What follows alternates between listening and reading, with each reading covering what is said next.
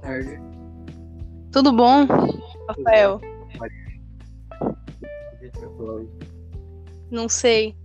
Vamos falar sobre. Ah, A letra? a letra Depois dela vem B. A. E ela é um triângulo, só que sem a parte de baixo. Não E tem é? um risquinho no meio. Isso. Muito A parte de interessante. cima do ar é um triângulo.